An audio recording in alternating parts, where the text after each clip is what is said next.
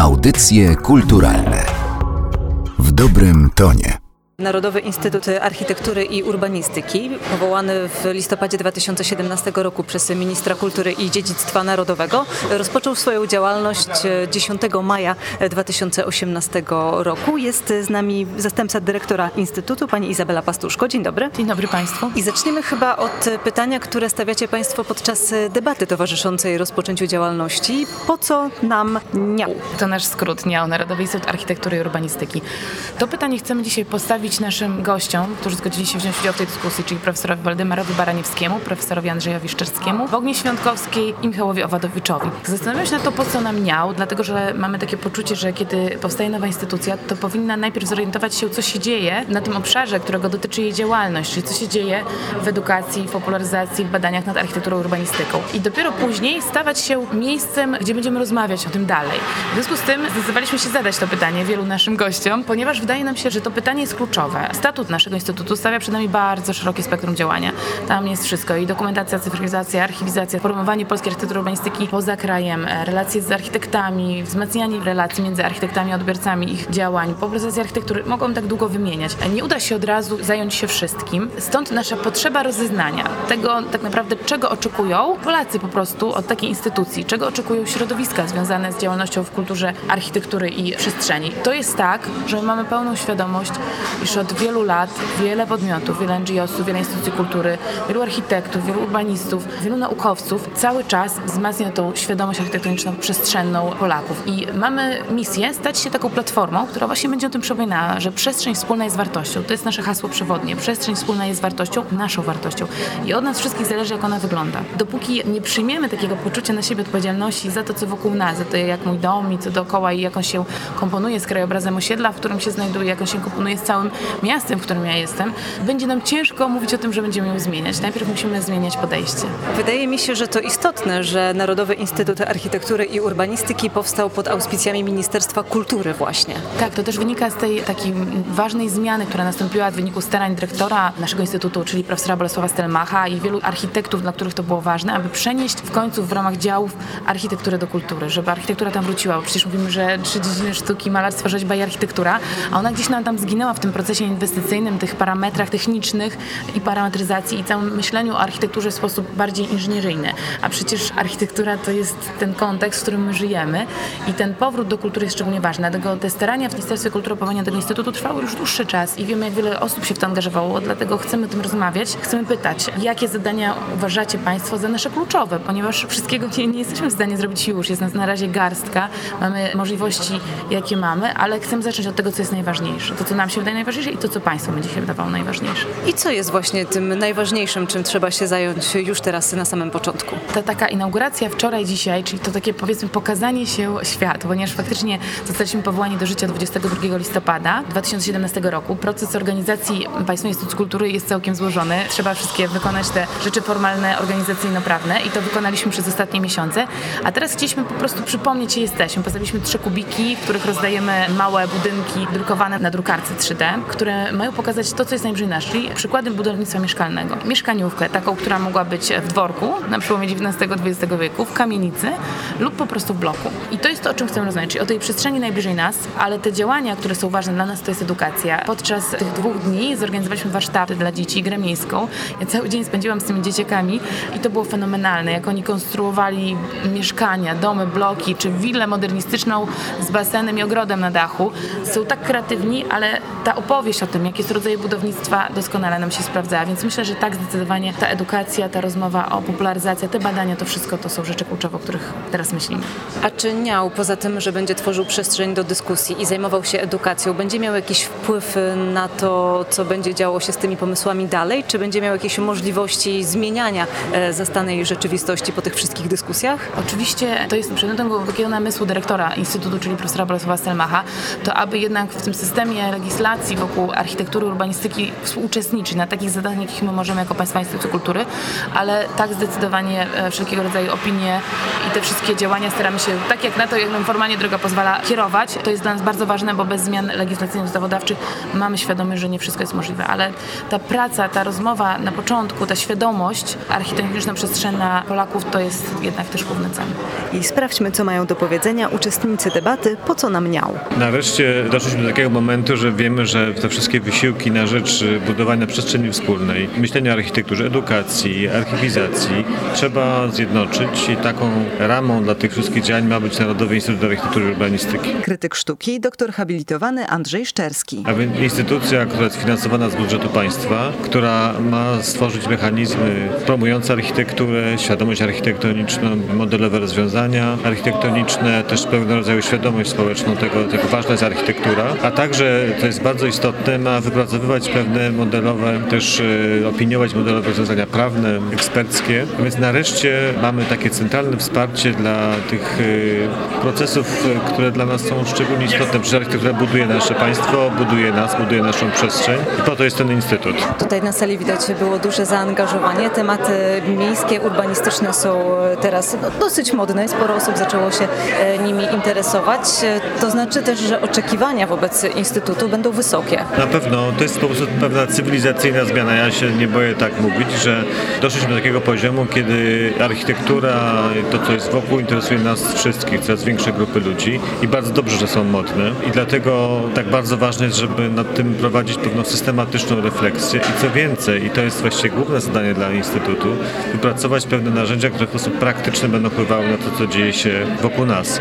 A więc ja tutaj widzę same pozytywne perspektywy rozwoju, bo jesteśmy pewni chyba też jednego dzisiaj w Polsce, że osiągnęliśmy pewien poziom rozwoju cywilizacyjnego, który pozwala nam wejść na zupełnie inny szczebel rozwoju, też właśnie jeśli chodzi o kształtowanie przestrzeni architektury. I ktoś musi to wszystko koordynować, wymyślić, zaplanować. Instytut, który ma działać w taki nowatorski sposób, to jest instytucja taka rozproszona, która ma swoją siedzibę w Warszawie, ale ma mieć też oddziały w całej Polsce, przynajmniej współpracować z instytutami analogicznymi, eksperckimi w całym kraju. Ma właśnie tworzyć takie mechanizmy w sposób bardzo dynamiczny, opierając się na dyskusji, wymianie informacji i to jest świetny pomysł i myślę, że to jest jeden z atutów tej instytucji, tej otwartość na dyskusję. Narodowy Instytut Architektury i Urbanistyki dopiero rozpoczyna swoją działalność, nie może więc zająć się wszystkimi palącymi sprawami od razu.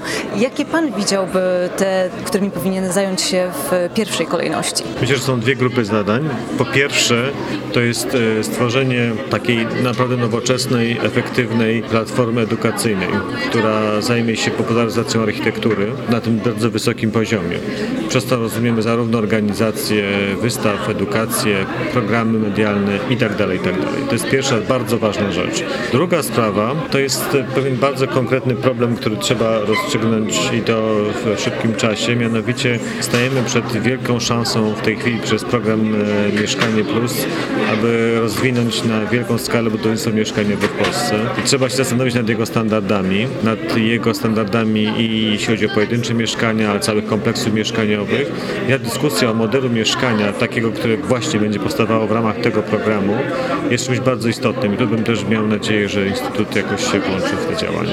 Wszystkie środowiska, które się zajmują miastem, architekturą, przestrzenią miejską, czy w ogóle tym, w jaki sposób ludzie organizują sobie przestrzeń, mówiąc bardziej szeroko. Prezeska zarządu Fundacji Bęce Zmiana, Bogna Świątkowska. Nas dziwiło ogromnie to, że są instytucje zajmujące się rozmaitymi fragmentami życia społecznego w Polsce, dedykowane różnym również obszarom kultury. Natomiast Instytutu Architektury, czy też Instytutu Projektowania Miast, czy jakiejkolwiek pomocy, w której mieszkańcy miasta mogliby zdobywać wiedzę o tym, w jakim środowisku mieszkają, rozpoznać to środowisko, nazwać, umieć docenić, bądź też krytycznie zakwestionować, ale nie tylko na bazie wyboru podoba mi się, nie podoba mi się, ale pewnej głębszej wiedzy, no, że tego cały czas brakowało. I to oczywiście było symptomem szybkiej urbanizacji Polski, tego, że po wojnie bardzo szybko polskie miasta rozrastały się, że tak naprawdę miejskość w Polsce jest bardzo młoda, ponieważ głównie została zasilona, co jest zrozumiałe, po klęskach straszliwych, które zafundowała nam historia, ludnością napływową, która napływała z innych terenów Polski, ze wsi, nie miała w ogóle nawyków miejskich albo miała je bardzo słabe. To uczenie się miejskości to czasami proces dość bolesny, ponieważ musimy się dowiedzieć o rzeczach, które są wdrukowane takie mieszczaństwo, które kreowało czy kreuje miasta europejskie, takiej Europy Zachodniej, do której się lubimy tu w Polsce odwoływać jako tego punktu odniesienia. Ale z drugiej strony ci architekci czy mieszkańcy miast zachodnioeuropejskich, którzy przyjeżdżają tutaj do Polski, są absolutnie zachwyceni tym, że mamy jeszcze tyle problemów do rozwiązania. Mamy tyle spraw niezałatwionych. Mamy tyle przestrzeni, które moglibyśmy sobie określić, dookreślić albo wręcz pozostawić, po to, żeby stały się nieustającą dyskusją. To jest właśnie ta potrzeba nieustającego uporządkowania, tego ładu w przestrzeni, tego przeciwdziałania chaosowi, jest jedną z najwyraźniej artykułowanych przez y, mieszkańców polskich miast. Miasto jest przecież organizmem bardzo trudnym. Jest nas tu bardzo dużo, na bardzo małej powierzchni. Każdy z nas ma inny pomysł na życie, każdy z nas inaczej sobie wyobraża trochę to życie w mieście i jednak musimy się zgodzić ze sobą. To jest takie ćwiczenie, które wykonujemy od czasu, kiedy miasta zaczęły powstawać. Ono nie jest najłatwiejsze, wiadomo, to przynosi bardzo dużo frustracji, bólu i jest powodem wielu nieprzyjemnych sytuacji, ale my nieustannie jesteśmy w procesie uzgadniania. I takie marzenie o tym, że nastąpi ład, albo że sobie to miasto wymyślimy do końca, skończymy je jest niedojrzałe, naiwne i bierze się z braku doświadczenia życia w mieście. W takim razie zastanawiam się, e, jak Narodowy Instytut Architektury i Urbanistyki powinien wyglądać oczami organizacji pozarządowych. Organizacji, które temat e, przestrzeni przepracowały już e, i pracują nad nim od wielu lat, dużo o nim mówią i wydaje mi się, że oczekują raczej szybkich rozwiązań praktycznych. A dzisiaj podczas dyskusji otwarcia działalności Instytutu sporo mówiło się jednak o edukacji, o przestrzeni do spotkania. Czy to też jest coś, na co organizacje pozarządowe mogłyby liczyć, jeżeli chodzi o ten instytut, czy jednak bardziej pchać go do działania? My jesteśmy bardzo zainteresowani, obserwujemy na razie, jaką drogę instytut dla siebie wybierze. Dlatego, że to oczywiście może być taka rola rozpoznawania przeszłości, jej uporządkowania, uporządkowania historii architektury w Polsce, organizacja wystaw i przede wszystkim ta działalność, która związana byłaby z wiedzą, transmisją wiedzy, właśnie edukacją, ale Instytut może także śmielej poczynać sobie jako narodowa instytucja i rzeczywiście mieć takie ambicje większego wpływu na prawodawstwo może, może na jakieś regulacje, które są w Polsce przyjmowane. Ta instytucja w tej chwili ma przed sobą bardzo wiele różnych możliwości. I my się jej przyglądamy, oczywiście z uwagą, z nadzieją, że ten wysiłek będzie mądrze kontynuował pracę, która w Polsce zaczęła się nie dzisiaj. Wiele rzeczy już zostało zrobionych. W Polsce przez ostatnie kilkanaście lat zrealizowano setki, może nawet tysiące projektów miejskich, które znacząco podniosły i poziom dyskusji o mieście, i poziom wiedzy środowisk pozaeksperckich o tym, czym miasto, architektura, urbanistyka są. A więc Instytut nie zaczyna od zera i musi coś dla siebie wybrać. Co to będzie, na razie jeszcze nie wiadomo. Kiedy po debacie przyszedł czas na głosy tych, którzy przyszli je się przysłuchiwać, okazało się, że wiele jest takich różnych życzeń kierowanych w stronę Instytutu odnośnie tego, czym powinien się zająć. On dopiero swoją pracę zaczyna, więc wszystkich palących spraw od razu nie załatwi, ale według Pani, które są najbardziej pilne, od których powinien zacząć? Gdybym planowała tę instytucję dla siebie, dla ludzi, którzy, tak jak ja, związani są z organizacjami pozarządowymi, no to pewnie przede wszystkim chciałabym, żeby zaspokojona była podstawowa potrzeba uporządkowania wiedzy o tym, jak architektura i urbanistyka w Polsce funkcjonowały i miały wpływ, wpływały na życie społeczne. Wyobrażam sobie, że ta instytucja w końcu uzupełni bardzo istotny brak w naszej wiedzy o kulturze polskiej o tym, w jaki sposób to dziedzictwo materialne, które przyrasta, w jaki sposób ono wpływa na nasze życie społeczne. Bo w oderwaniu jest to tylko inżynieria, jest to tylko budowlanka, jeżeli oderwiemy architekturę od człowieka.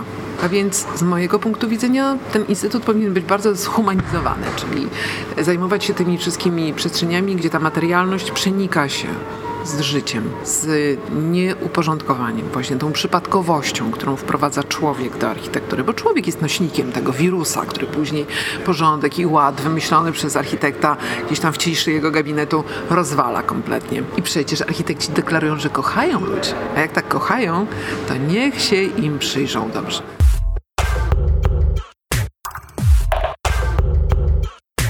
Materiał przygotowała Magdalena Miszewska. Audycje kulturalne w dobrym tonie.